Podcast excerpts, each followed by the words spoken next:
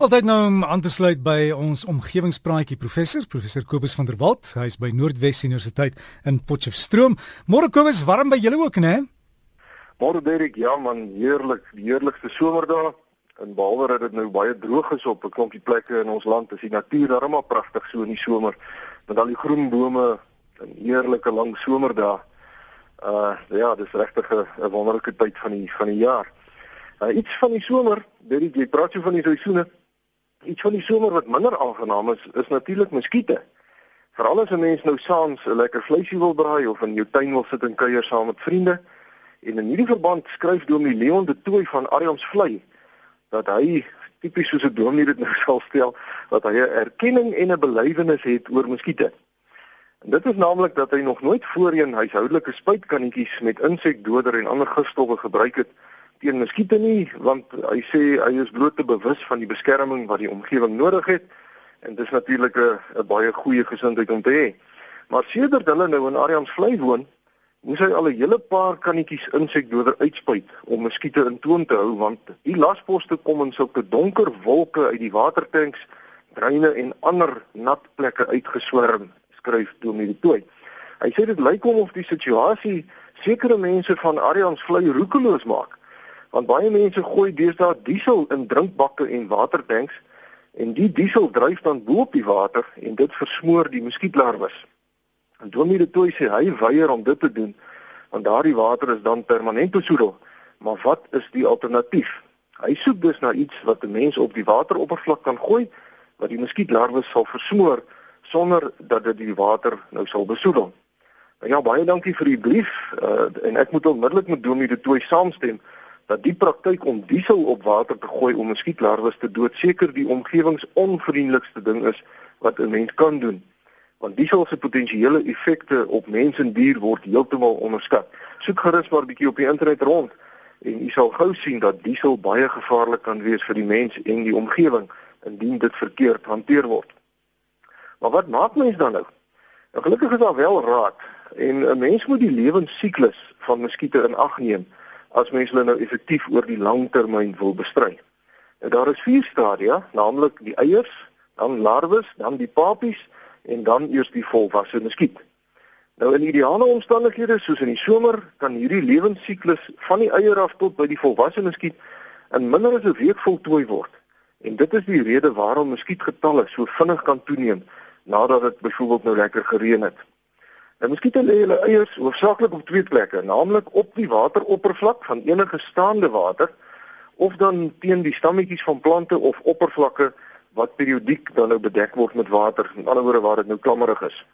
Nou die eerste stap in die beheer van muskiete sal daarom wees om seker te maak dat daar geen staande water naby u huis is nie. Met ander woorde enige oop watertanks, voelbakke of rommel soos leë blikkies of plastiekhouers, ou buitebande motorwrakke, bourommel, leë blombakke, stukke plastiek, selfs 'n klein stukkie plastiek, 'n verwaarlose swembad, 'n visdammetjie of enige iets waar daar 'n poelietjie staande water kan vorm, moet verwyder of toegemaak word sodat die muskiete nie 'n geskikte plek sal hê om hulle eiers te lê nie. 'n Mens moet ook verstopte geete onthou. In so 'n verstopte geet kan daar 'n klomp muskiete uitbroei. En onthou ook poelietjies water wat onder lugreëlaars uh op dreineringspype van geysers kan vorm. Swembaddens moet natuurlik skoon en goed geklorineer gehou word en mens moet die water in voelbaddens minstens eenmal 'n week vervang. Visdammetjies of ander ornamentele water uh elemente in tuine kan beskerm word deur visse daarin te gooi uh, wat water wat muskietlarwes eet. Uh en die heel beste vir so 'n wateritem in 'n tuin is natuurlik om 'n klein pompie te installeer wat permanent loop en die water sirkuleer en mens kan deesdae so 'n pompie sommer met 'n sonpaneeltjie aandryf. Uh en dan kan 'n mens dan nou uh, natuurlik ook gasmateriaal gebruik om water mee toe te maak sodat die muskiete nie by die water kan uitkom om hulle eiers te lê nie. Maar hierdie tipe materiaal sal nou net effektief wees as al die inwoners van 'n buurt dit gelyktydig toepas want muskiete kan verskeie kilometer ver vlieg om jou te kom verpes. Sodat help nie jou buurman se erf is vol plekke of stukke plastiek of rommel waar daar nou staande water kan wees nie. Nou ja goed, dis nou die eerste ding. As mense nou al die staande water so goed as moontlik aangespreek het, kan ons in die tweede plek 'n gifstof aanwend wat die muskietlarwes doodmaak. En soos ek gesê het, is diesel hoegenaamd nie geskik vir hierdie doel nie. Daar is 'n hele paar muskietlarfdoders op die mark wat nie skadelik is vir visse, watervoëls, troeteldiere of mense nie. En hierdie tipe gif hou so vir 'n maand lank voor 'n mens nou weer daarvan moet aanwend. En as die muskiete nou ehm um, as dit ook nou nie help nie en nog 'n paar van hulle broei nou uit en hulle is volwasse, dan kan mens jouself teen hulle beskerm deur die plekke waar hulle verkies om bedag deur te bring te verminder. Dit is natuurlik digte plante groei wat klammerige skadikolle veroorsaak of koel donker plekke so tuinhutte of buite badkamers of so so 'n plek. Nou effektiewe onkruidbeheer en die gereelde snoei van tuinplante en ook die toemaak van buitegeboue kan baie help om die muskietbevolking te beheer. En 'n mens kan dan natuurlik ook kontakgif aanwend op die plekke waar hulle nou graag gaan sit, soos byvoorbeeld die onderste deeltjies van stamme van tuinplante of onder houtdekke of sulke plekke. Uh en natuurlik is dit nou logies mense moet keer dat die muskiete in jou huis inkom deur die gebruik van muskietgas en en maak maar die vensters toe. Nou ongelukkig is die bronne wat ek geraadpleeg het redelik skepties teen die gifstowwe wat mens binne huis kan aanwend. Mens kry sulke goed wat jy inprop by mure met goedjies wat heel nag daar staan en uh 'n ding wat hier bo teen die muur sit en kort kort so cheap cheap so straal gif in die lug inspuit. Ehm um, ek kry nie regtig uh, bronne, gesaghebende bronne wat sê dat die goed werk nie. En dan sal ook 'n klomp apparate wat mense adverteer wat byvoorbeeld ultraviolet lig of ultraklank of ander vreemde metodes gebruik om volwasse muskiete mee dood te maak. Uh dit lyk nie of die goed vreeslik effektief is nie, maar miskien is daar en ek praat onder korreksie.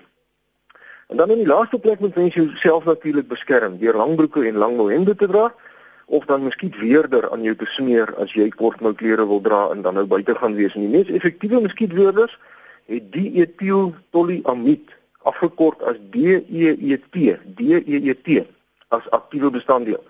Maar mense moet maar liefs nie hierdie tipe vloeistof aan die hande van kleuters smeer sodat hulle nou te veel daarvan kan inkry.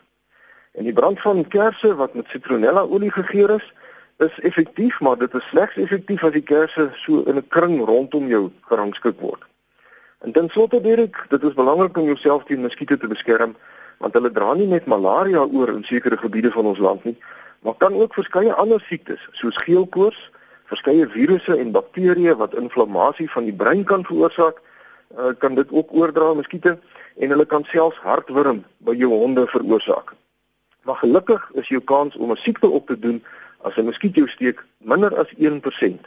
So dis hoofsaaklik die lastigheid van muskiete wat die probleem is en hoe lastig kan die goed nie wees nie.